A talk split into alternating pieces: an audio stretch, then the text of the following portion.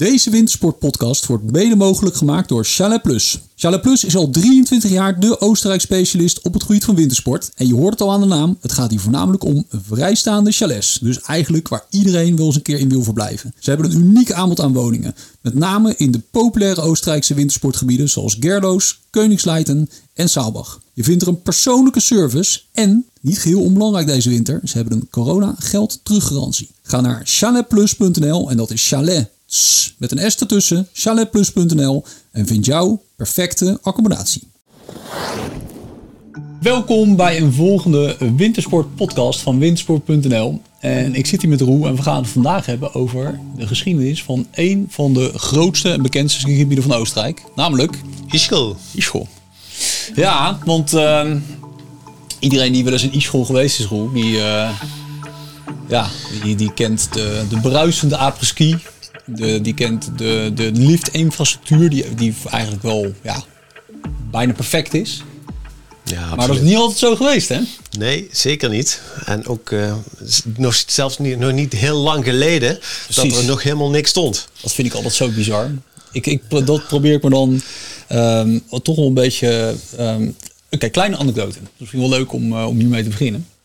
Er is een cultuur, is namelijk een, een kroeg. Die staat een beetje... Uh, die staat in het skigebied. Kroeg, restaurant, pistehut eigenlijk. Uh, die heet de Weiberhimmel. Ik weet niet of je daar wel eens geweest bent. Nee, het is nee. een beetje bij de dalafdaling de Weiberhimmel. En nou is de vraag natuurlijk, waarom heet die hut de Weiberhimmel? En dat komt dus eigenlijk toen uh, uit de tijd dat Patsnaumtaal nog een, een boerengebied uh, was. Um, ja, en in, des te lager je op de, in het dal was, dus in, in C of in Kappel, des te meer kon er verbouwd worden en dergelijke. Dus die, daar moest relatief hard gewerkt worden.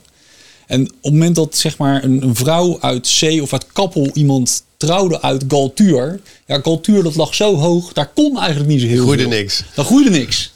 Weet je, dus dan kwam je eigenlijk automatisch dus in de Viperhemel terecht. Hoefde je dus niet zo heel veel meer te doen. nou ja, goed, dat was een beetje de geschiedenis van de tent. Maar om, om daar even het bruggetje dus uh, mee te maken van hoe lang is dat geleden? 1961 is het skigebied pas. Uh, nou, toen is bedacht van laten we hier een skigebied bouwen. Precies, dus dat is niet eens, dat is, dat is 60 jaar terug. Ja, dat is uh, bizar. Toen waren ze al lang aan het skiën op de Alberg. Ja. Ehm, ja, Ischel was echt een laadbloeier wat dat betreft. Ja, want de Alberg ligt eigenlijk het, het kammetje verderop. Hè, St. Anton. Ja. Je kan vanuit het skigebied van Kappel aan de achterkant kan je afdalen. En dan kom je in St. Anton kom je dan uit bij de, bij de Rendel. Ja.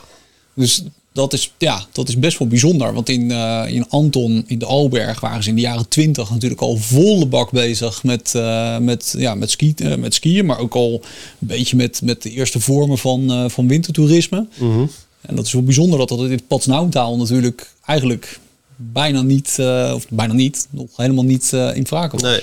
nee, dat heeft alles te maken met de geïsoleerde ligging van het Patsnaumtaal.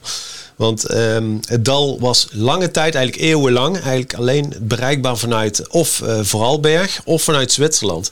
Dus eigenlijk de belangrijkste toegangsweg die we nu gebruiken richting Ischel, die was er heel lang niet. Of die was er wel, maar dat was een heel onveilige uh, ja. weg die uh, continu lawines had, steenslag, dat soort dingen. Dus die was helemaal niet veilig. Um, eigenlijk al het, uh, alle handel die in de vroegere eeuwen werd bedreven, de, dat vond dus plaats richting Zwitserland of Vooralberg. Ja. Uh, dat is ook de reden dat uh, Ischgl eigenlijk een Reto-Romaanse oorsprong heeft. In de mm -hmm. 9e eeuw zijn de eerste Reto-Romanen vanuit Zwitserland naar het Patsnaundaal gekomen. En daar komt eigenlijk de naam Ischgl vanaf. Um, uh, Iskla heette het ja. oorspronkelijk. Ja, er zit een hotel natuurlijk ook in, midden in het dorp. Dat heet Iskla. Ja, ja. Dus dat als je dus afvraagt waarom, uh, dat is dus de oorspronkelijke naam van Ischgl. Dat is de, daar komt het vandaan. Dat is echt uh, Ritero-Romaans. de stad waren de eerste echte bewoners van Ischgl. Uh, later kwamen daar in de 13e eeuw een aantal, uh, of een aantal, kwamen de Walser kwamen het gebied binnen. Ja. En die hebben later grote delen van de Alpen uh, overspoeld. Die kwamen oorspronkelijk uit, dus uit Wallis, ook Ja. uit Zwitserland. Um, maar dat waren dus eigenlijk de eerste uh, bewoners van het dal. Terwijl je normaal gesproken zou veronderstellen, die komen gewoon uit, uit Oostenrijk zelf. Uit, Ja. uh, van de kant van Innsbruck Ja. of zo, die door het dal uh, zijn gekomen. Maar dat is dus niet, niet aan de orde geweest. Ja, zeker met, met name het begin van het Patsnaumtaal. Iedereen, iedereen die daar wel eens geweest is, die rijdt, rijdt dat dal in vanuit Pians. En dan het volgende dorpje is, eh, is C. Maar Maar dat is best wel een hele smalle kloof. Daar ligt nog een soort van waterkracht, energiecentraletje of zoiets. Ja. En dat is best wel smal. Ik kan me voorstellen dat toen vroeger, dat toen daar nog geen weg lag, dat, dat die rivier die daar doorheen uh, stroomde, ja, die had natuurlijk waarschijnlijk vrij spel. Ja. Dus dat, ja. Dat, is, dat is waarschijnlijk ook de reden geweest, mede met de stellingen hellingen, dat, uh, dat die weg gewoon niet betrouwbaar was. Ja. Uh, maar heel opvallend, uh, waar komen die mensen dan vandaan, uh, zou je zeggen? Vanuit Zwitserland kwamen ze over het Silvretta-massief. Ja. Het is ook geen hele logische voor de hand liggende route, zou je zeggen. maar de Vermoendpas, dat is eigenlijk de belangrijkste overgang geweest destijds voor Zwitsers om het dal binnen te komen. En de Vermoendpas die, die ligt op 29, of 2700 meter, bijna 2800 meter. Um, en de reden dat ze die route hebben ge gekozen was het feit dus dat die, um, die pas destijds ijsvrij was. Er ligt nu een gletsjer, die trouwens nu natuurlijk wel aan het smelten is. Maar heel lang is dat natuurlijk gewoon en alleen destijds maar een grote. Welke, welke uh, tijdspannen? Tot de 17e eeuw ongeveer. Nou, dat is best ook niet zo heel lang geleden. Weet je dat, daar, dat die nog Nee. ijsvrij was? Ja, ja, dus dat was echt in, in de warme periode van de middeleeuwen ehm, tot dat moment, zeg maar, Ja. was daar geen ijs. Dus kwamen alle handelaren gingen via die pas eh, het dal binnen. Eh, een andere mogelijkheid was via de Tsainisjoch bij eh Galtuur, wat je, waar Ja. je het zojuist over Ja. had. Eh, dat was een andere de eigenlijk. Dus Ja, aan de rechter, als je het skigebied van Galtuur hebt, aan de rechterkant heb je de Kopstauzee. ja, En daar kun je omlaag. Daar kun je zeg maar richting het Montafondal. ja. Ehm, en dat was de vroegere overgang voor mensen die Ja, vanuit Voorberg wilden komen. Dus het was veel meer een connectie met eh Ischol, met, dus met de Zwitsers en met Vorarlberg, dan met de rest van Tirol. Ja, ja, absoluut. En later is dat steeds verder aangezwengeld, die handel tussen, met die twee eh, delen, eh, Vooralberg en eh, Zwitserland, doordat eh, een aartsbisschop ehm, eh, toestemming had gegeven om belastingvrij te handelen. Dat, dat zorgde alleen maar voor meer handel. Ja. Ehm, alleen er kwam op een gegeven moment een einde aan toen dus de gletsjers gingen uitbreiden. Ehm, in ieder geval vanuit de Zwitserse kant. Toen kon men dus niet meer het Silvretta-massief over. ehm, en was men meer aangewezen op, eh, op Oostenrijk. En werd ook langzaam die weg richting Innsbruck eh, en de rest van Tirol werd belangrijker. ja, ze moesten wel. Toen, eh, toen moesten ze er wel. Ja. Be- Betekent het eigenlijk nog iets zo? Want, want kijk, als ik zeg maar aan mensen die niet wintersporten wel eens vertel, voor, ik ben in e-school geweest. Ik bedoel, ja, het is nu de laatste paar jaar natuurlijk extreem voor het nieuws gekomen vanwege al het corona gebeuren. Maar het, is natuurlijk een hele bijzondere naam. Er zit maar één klinker zit erin en daarna krijg je, krijg je vijf medeklinkers. Maar betekent het ook iets? Of, Ja, het, is, het betekent eiland. Het is een soort vertaling van eiland. En dat heeft weer te maken met, eh, eh, sommigen weten het wel, je hebt een, een voetgangerstunnel dwars door Ischgl. Ja. Die verbindt de ene kant met de andere kant van het ja, dorp. daar hangen alle artiesten hangen daar ook die daar gespeeld Ja, hebben. ja, precies. En die gaat door een soort berg, een soort kegelachtige berg. En dat is weer een gevolg van ehm, ja, afzettingsmateriaal van de Fimba-bach. Ja. Fimba-taal heb je als onderdeel van het skigebied. Daar zorgde het water voor eh, het neerleggen van een hoop gesteente. Ja, en dat precies. heeft uiteindelijk gezorgd voor die, voor die berg. En dat, daar Ah, komt dan het woord Ischgl vanaf.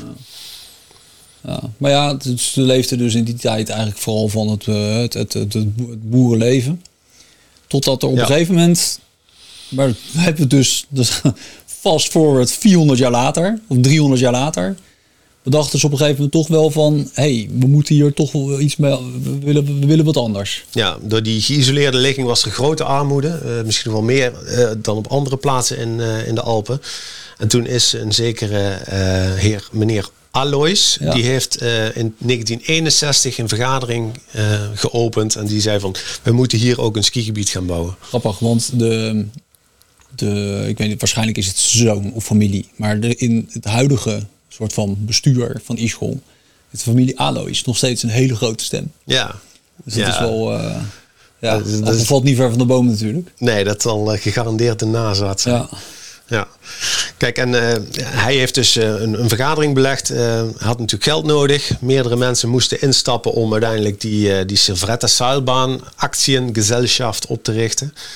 Dat is hem gelukt, maar wel met heel veel weerstand. Eh, want ja, er moest geld komen en het geld was er eigenlijk bijna niet. Het is wel een beetje een rode draad hè, in die geschiedenisverhalen. Dat er in eerste instantie dat vernieuwing dus toch wel behoorlijke weerstand oproept. Terwijl ze het, terwijl het was nou niet zo dat ze het nou allemaal zo goed hadden in, eh in het Potsdamtaal voordat het toerisme zeg maar eh, tot stand kwam. Nee, helemaal niet. Nee. nee.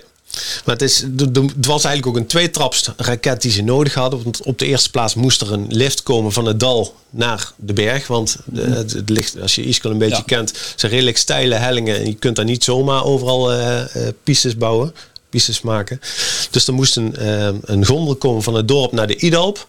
En vanaf daar had je veel mogelijkheden om, eh, om meer liften te gaan bouwen. Maar eerst moest die gondel er komen. En die is er dus in 1963 pas gekomen. Dat is de eerste lift vanuit het dorp naar het skigebied. En vervolgens is op de Idalp de, eh, moet ik even goed kijken, hoe heet de, de, de lift? Is dat Vliem, Vliemjoch of zo? Vliem, Vliem, zoiets, zoiets, iets, Ietjoch? Itjoch? Itjoch lift. Juist. Itjoch, nu ja. is de Itjoch baan. En Ja. eh, destijds was het de Itjoch lift.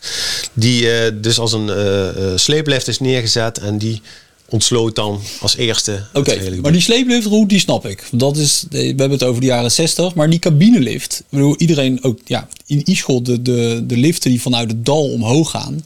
eh, dus de Podartsgraad, de Fimba-baan en de Silvretta-baan. Dat zijn alle drie, zijn dat echt serieuze cabineliften. Weet je, dat zijn echt, ze, eh, ze pakken de, eh, ze pakken ongeveer, nou wat zal het zijn, eh, 800 meter eh, hoogteverschil. Maar vooral de afstand die ze afleggen, echt wel een paar kilometer. Maar Mhm. Hoe hebben ze dat gedaan? Want dat moet, dat moet een gigantische, voor die tijd, gewoon een gigantische lift geweest Ja. zijn, die, eh, die, eh, die gondel. Ja, was het ook zeker. Het was destijds zelfs de langste lift van Oostenrijk.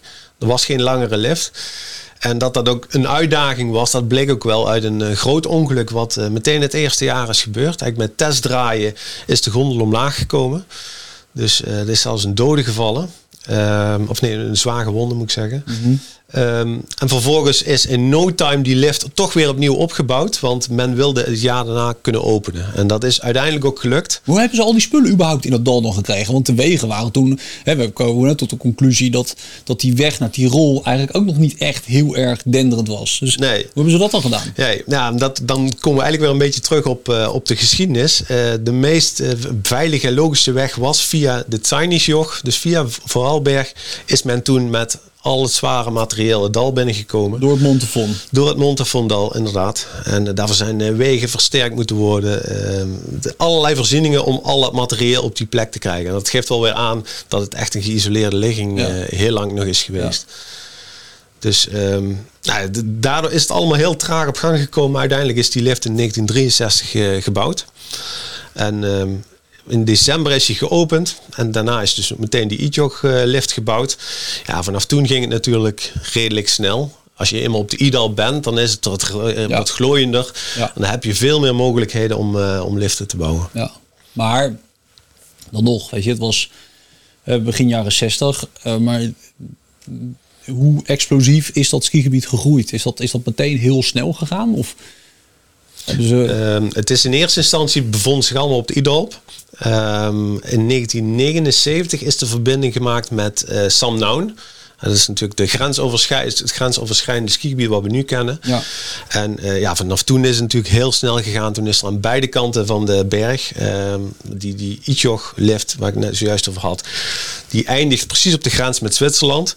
En van- als je eenmaal op dat punt bent, nou, dan zou je dus inderdaad alle kanten omlaag en omhoog kunnen eh, richting Zwitserland. En dat is eigenlijk pas vanaf 1979 is dat eh, uitgebouwd. Ja, dat was natuurlijk ook wel gewoon een, een bijzonder iets om echt grensoverschrijdend te skiën natuurlijk. Want je kon echt, ja, letterlijk inderdaad naar, eh, naar Zwitserland toe. Het grappige natuurlijk is, van je zegt net de geïsoleerde ligging van Ischol. Ik bedoel, Samnaun aan de andere kant van de berg, dat was natuurlijk niet minder geïsoleerd. Dat is nog Nee. steeds een belastingvrij dorp. Juist vanwege die geïsoleerde ligging. En je kan het ook alleen maar bereiken natuurlijk per weg vanuit Oostenrijk en niet Ja. vanuit Zwitserland. Ja, dat is nog Dus het is best wel, een, best wel een bijzonder stukje Alpen. En dat, dat realiseren we ons eigenlijk niet als je daar op die bergen staat. Het Alles is maar gewoon... eh, ja, we nemen het allemaal waar voor, voor lief. Maar En ook je, hypermodern allemaal. Je hebt totaal niet het idee dat je daar zo in een alpien bent. eh, alles. exact, dat bedoel ik. Weet je, je bent gewoon midden in de Alpen. En eigenlijk als je dus even 80 jaar terugspoelt in de tijd... had je daar gewoon pure armoede. En moest je blij zijn dat je in de winter waarschijnlijk nog eh, aardappels en spek en kaas... en wat, wat, wat ze nog meer in de winter eten... Dat je nog over had van de zomer. En tegenwoordig is het raar eh, als je daar bij spreken niet in een Porsche Cayenne aan komt zetten. Even heel gechargeerd. Ja. Ja, er is wel wat veranderd op welvaartsgebied. Dat heeft ze geen windeieren gelegd. Ja, ik vind het ook vaak frappant. Uh, als ik, ik heb me natuurlijk meer verdiept in de geschiedenis. Maar vaak de dorpen die vroeger uh, uh, volop armoede kenden. Omdat ze hoog gelegen waren, geïsoleerd. Dat zijn nu de grote publiekstrekkers geworden eigenlijk. Omdat daar de sneeuwzekere skigebieden liggen. Ja. Mensen willen sneeuw hebben en die vinden ze juist op die, die grotere hoogte. Ja. precies. Net zoals de, de boeren die hun ja, hun land op, uh, op zuidhellingen hadden liggen. Wat natuurlijk in principe een meer vruchtbare grond is, omdat het hè, meer zon krijgt, et cetera, et cetera. Ik kan me voorstellen dat dat, dat meer waard is. Maar ja, uiteindelijk, ja, als je naar toerisme kijkt, is een noordhelling voor de wintersportindustrie natuurlijk weer, weer interessanter. Ja. Dus dat is ook weer een leuke. Maar goed, dus er stond een, een sleeplift, de Itjochbaan. Die is natuurlijk al lang verdwenen. daar staan nu een aantal stoeltjesliften. Ja, die heeft de drie generaties al gehad. Uh, Nu staat de vierde generatie er zelfs. Maar eh, hij heet nog steeds de Ichog-baan. En hij volgt ongeveer hetzelfde tracé. Waarbij overigens ook wel leuk om te vermelden is... Uh, vroeger was het uh, terrein natuurlijk veel geaccidenteerder dan nu. Nu is alles plat gewalst om, om de skiers zo makkelijk mogelijk te maken.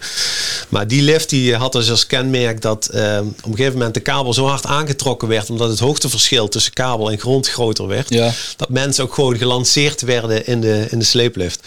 Dus je kwam af en toe los van de grond en dan hoopte je maar weer dat je op je twee skis je, je weg naar boven kon vervolgen. Dus, uh, daar stond hij echt bekend om destijds. Grappig, ja. Het is natuurlijk ook best wel, je, het is best wel een, een afstand ook. Hè? De Ietjog is uit mijn hoofd 2700 meter hoog ongeveer. Ja, ja. Dus dat, uh, de Iet-Alp is 2000 meter, 2100 meter. Ja, 20 nog wat geloof ik. Ja, dus het is best wel een uh, behoorlijk, uh, behoorlijk hoogteverschil wat je, dan, uh, wat je dan doet.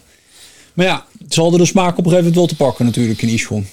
Ja, ja, ja, het is alleen maar verder uitgebouwd. En uh, op een gegeven moment kreeg het natuurlijk de bekende naam als uh, bestemming Uh, al ruim voordat het bij ons als Nederlanders eigenlijk bekend werd. Is dat eigenlijk een bewuste keuze geweest of is dat gewoon zo gegroeid? Volgens mij is het zo gegroeid, maar ik, ik, dat durf ik niet zeker te zeggen. Het, is, uh, het was uh, eigenlijk op een gegeven moment natuurlijk een heel aantrekkelijk skigebied geworden. Uh, de Albeck was wat chiquer, heb ik het ja, idee. Absoluut. Dus ehm, nou, de, de, de meer feestende menigte die voelde zich daar denk ik wat minder thuis. En dan hoef je eigenlijk maar een stukje verder en dan zit je in Iskil. Want ze hebben wel, ja, weet je, nu tegenwoordig heb het idee dat er in Ischol ieder jaar wel een nieuwe lift wordt geplaatst. En dan niet zozeer een, lift die het gebied groter maakt, maar wel een lift die het wat vervangt. Maar in de, ja, wanneer heeft het gebied echt een spurt gehad? In die, is dat in de jaren tachtig geweest? Want het, het is uiteindelijk steeds verder uitgedijd uh, naar, de, naar de hulbodem. Op een gegeven moment de Gampenbaan. Toen is het... Uh, de Piets van Gronda is ontsloten. En aan de andere kant natuurlijk uh, vanuit de Alptrida in Zwitserland naar het Verlieuwtaal is, er is behoorlijk, is daar, uh, ja, het is behoorlijk uitgedijd. Maar is dat, is, dat, is dat nog in een bepaalde tijdspanne gebeurd? Of is dat heel geleidelijk gegaan? Ja, dat is eigenlijk uh, uh, vanaf 1979, toen uh, de verbinding met Sam Noun is gemaakt, toen is het wel heel snel gegaan. Want toen zag men uh, met gelijk de potentie hè, van als we hier nu een, een groot gebied maken, boven de boom gaan sneeuw zeker. Dus vanaf toen was het gebied eigenlijk al redelijk groot. Het is wel dat het daarna, Piesval Gronda, ehm, dat gedeelte, dat was nog helemaal ongerept. Dat, dat is natuurlijk gebouwd voor de freeriders. Uh, want Iske was eigenlijk geen echte freeride bestemming, maar met die lift hebben ze daar toch iets aan proberen te doen. En ja, er zijn van die duty-free runs, die hebben ze vervolgens uh, gemaakt om, uh, um, nou, je, je, wil ook de, de, de, de tochtenmakers wil je bedienen. De, de smokkelroute natuurlijk, smokkelroute, waar vroeger natuurlijk ja. uh, nog volop gesmokkeld werd van, van Zwitserland naar Oostenrijk en andersom. Ja, ze hebben, je merkt inderdaad nog wel van dat soort elementen zit wel zit nog een stukje verleden zit daar natuurlijk in. Maar ik heb ook wel het idee dat Ischol echt al een dorp is dat niet nou ja, ik denk dat er weinig dorpen echt blijven hangen in het verleden. Maar als er één skigebied is wat altijd echt op de toekomst gericht is. In mijn ogen is dat, is dat Ischol wel. Mhm. En met, met nieuwe liften die gebouwd worden. Maar ook zeg maar de, de ontwikkeling van het toerisme daar in het algemeen. De, kijk, de, de hele apeski uh, setting die je net omschrijft. Hè, met de, de Patsa Notaya op de berg. Uh, maar ook de, de nachtclubs in Hotel Matlein. in, een, in het Trofana Royal. Um, de Trofane Alm, de Koestal. Ja, goed, we kunnen nog wel even doorgaan. Er zijn zo verschrikkelijk veel apski-tenten. Maar ze zijn daar ook alweer bezig met het hele culinaire verhaal naar een hoger plan tillen. En dat wil niet zeggen dat het een nou beter of, of, of slechter is, maar er gebeurt, er is in e-school altijd wel ontwikkeling. Ja. Ik denk dat dat wel heel kenmerkend is. En dat verklaart misschien ook wel van hoe het in vredesnaam kan dat als je dat het nog geen. Het was precies 60 jaar geleden dus dat de eerste winter met een lift in die school. 60 jaar. Dat is eigenlijk ja, relatief kort. En als je dan kijkt waar ze nu staan, is dat Ja. echt bizar wat voor stappen daar gemaakt zijn. Ja, daar, daar zijn ze ook echt nog steeds wel heel erg mee bezig. Ehm, voor wat betreft het skigebied zijn nu ook plannen om eh, nog een apart deelgebied wat eigenlijk beschermd is. Het, dat heet het Ravijser Salaas. Het is een, een, een gebied wat zeg maar aan de andere kant van de eh Palienkopf ligt. Ik weet niet of je, als je het een beetje Ja. kent op de pistekaart Zeker. kun je het zien liggen. Dat gebied willen ze in de toekomst komende jaren misschien gaan ontsluiten. Mits dat natuurlijk allemaal mag Ja. van, de, van de regeringen. En dan willen ze het nog groter maken. Ehm, ja, dus ze blijven bezig. En eh, volgens mij is er vorig jaar of twee jaar geleden nog een, een nieuw thermaalbad gebouwd. Hè, om Nou ja, ook die gasten weer te gaan Daar bedanken. zijn ze nog mee bezig. Want ik was deze zomer, eh, deze zomer is de zomer van eh, 2021, was ik nog in Ischol. En er wordt daar, als je door binnen rijdt, dan heb je aan de linkerkant heb je een gigantische parkeergarage, soort van in de berg verwerkt zitten.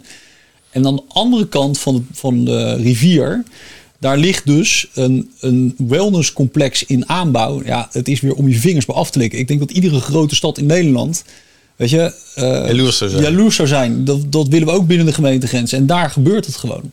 Dat, dat moet je echt denken aan een eh niveautje Tower Spa in Kaproen. Of eh, hoe heet dat ding in Langeveld ook weer in het Utstaal. Aqua. Aqua, Aquadoom, Aqua, eh, nou ja, in ieder geval, dus van die grootte. Op zijn ischos. Dus allemaal weer Ja, ja. perfect. Het ziet er weer perfect uit. En ja, dat, dat vind ik echt wel bewonderenswaardig. En ik heb ook wel eens begrepen dat het ook komt van het, dat liftgezelschap wat jij net eh, schetst. Het, het, wat, wat ik begreep is dat die ook nog nooit winst hebben uitgekeerd aan aandeelhouders. Maar dat vrijwel alles wat daarin verdiend wordt weer terug wordt geïnvesteerd in het skigebied. En dat verklaart denk ik denk ook wel dat dat een ehm, eh, logisch iets is. Als je kijkt zeg maar dat veel van de aandeelhouders van die liftgezelschap natuurlijk ook gewoon ja, al generaties lang inwoner van dat dorp zijn. Ja, en, al, al die jaren natuurlijk al profiteren van Exact. wintertoerisme. Exact. En die hebben ook hotels en misschien eh, winkels en et cetera, et cetera. Dus dat hebben ze natuurlijk heel goed begrepen. Dat als je die infrastructuur daar maar in blijft inv- investeren. En ja, dan, dan hou je ook eh, de mensen binnenboord. hè. We hebben we hebben het nog niet eens gehad over de concerten die daar, eh, Ja, die daar eh, plaatsvinden. Ja. Ja, ze moeten ook de concurrentie steeds een stap voor blijven. En dat, eh, dat hebben ze volgens mij heel goed begrepen. Lukt, dat lukt ze aardig, ja. Het is een, ze zijn laat op gang gekomen, maar ze, ja, ze zijn nu de concurrentie continu aan het proberen een stap voor te zijn. En dat, eh, dat lukt ze aardig. Hoe zie jij de toekomst van, eh van e-school? Nog even los van die gebiedsontwikkeling die je net schetst. Ehm, nou, het zal in ieder geval een hoofdrolspeler blijven. Want ze hebben natuurlijk als grote voordeel dat eh, ze en heel groot zijn en extreem sneeuwzeker. Ja. Je hoeft je wat dat betreft nooit geen zorgen te maken. Ehm, ik vraag me wel af, af of eh, de après-ski, zoals we die altijd gekend hebben in Ischgl, of dat in dezelfde mate nog wel aanwezig eh, zal blijven in de toekomst. Ja. Even los van corona, want, maar ehm, ik heb wel het idee dat er een klein beetje een verschuiving gaande is naar de wat meer, eh, nou ja, misschien het wellnessgedeelte en het culinaire gedeelte. Ja, dat dat, merk je wel. Ook daar springen ze dus ook weer op in. Hè? Dat is met, met die wellness, maar ook met qua restaurants. Ik denk dat je dat als normale toerist, of je moet daar echt in geïnteresseerd zijn. Maar anders merk je dat niet eens. Maar na Wenen heeft Ischgl de meeste restaurants met die Go Bouillot eh koksmutsjes, zeg maar. Dat is natuurlijk eigenlijk best wel gek. Dus, niet, dus na Wenen niet Salzburg of Graz of Liens of, of Innsbruck. Nee, Ischgl heeft de, de beste restaurants verder. Ja, dus wat dat betreft kan je eigenlijk alleen maar eh, petje af hoe ze dat in 60 jaar eh, gedaan hebben. En ja, ik ben ook wel benieuwd hoe zich, ehm, ja, hoe de, hoe de, de, de- ja, de post-corona-tijd, hoe zich dat daar gaat ontwikkelen. Of dat inderdaad nog eh, gevolgen gaat hebben. Hè. We moeten het toch even noemen. Want hoe Isco in de pers natuurlijk is gekomen als draaischijf van het coronavirus. Overigens in een tijd dat niemand de, de, ja, de, de, de magnitude van, van die hele pandemie nog niet op waarde kon schatten. Maar dat heeft ze natuurlijk in ieder geval qua publiciteit heeft dat eh, geen goed gedaan. Ja. Aan de andere Ja. kant, de mensen blijven toch wel komen. Ja, ze blijven toch wel komen. En ik heb het idee dat die stap, dus hè, wat ik net zei, van dat ik heb het, idee dat ze wat meer op dat culinaire en dat, dat wellness, dat, dat uh, genietende uh, wintersporten zitten. Dat is al ingezet voordat corona er was.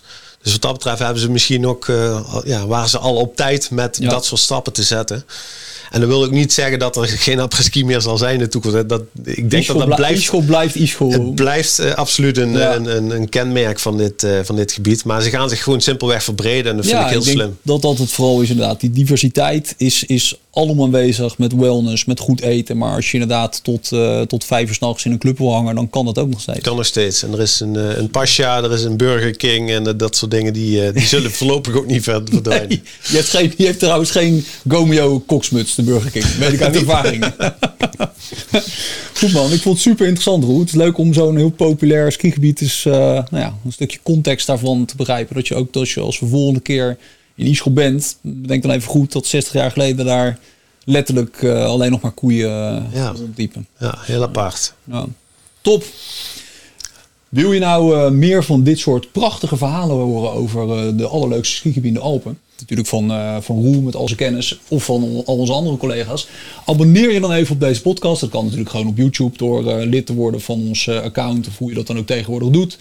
Eh, of pak je favoriete podcast app erbij, klik even op abonneren en volg ons op Spotify. Zijn wij bij geholpen en jij mist ons nooit meer. Bedankt!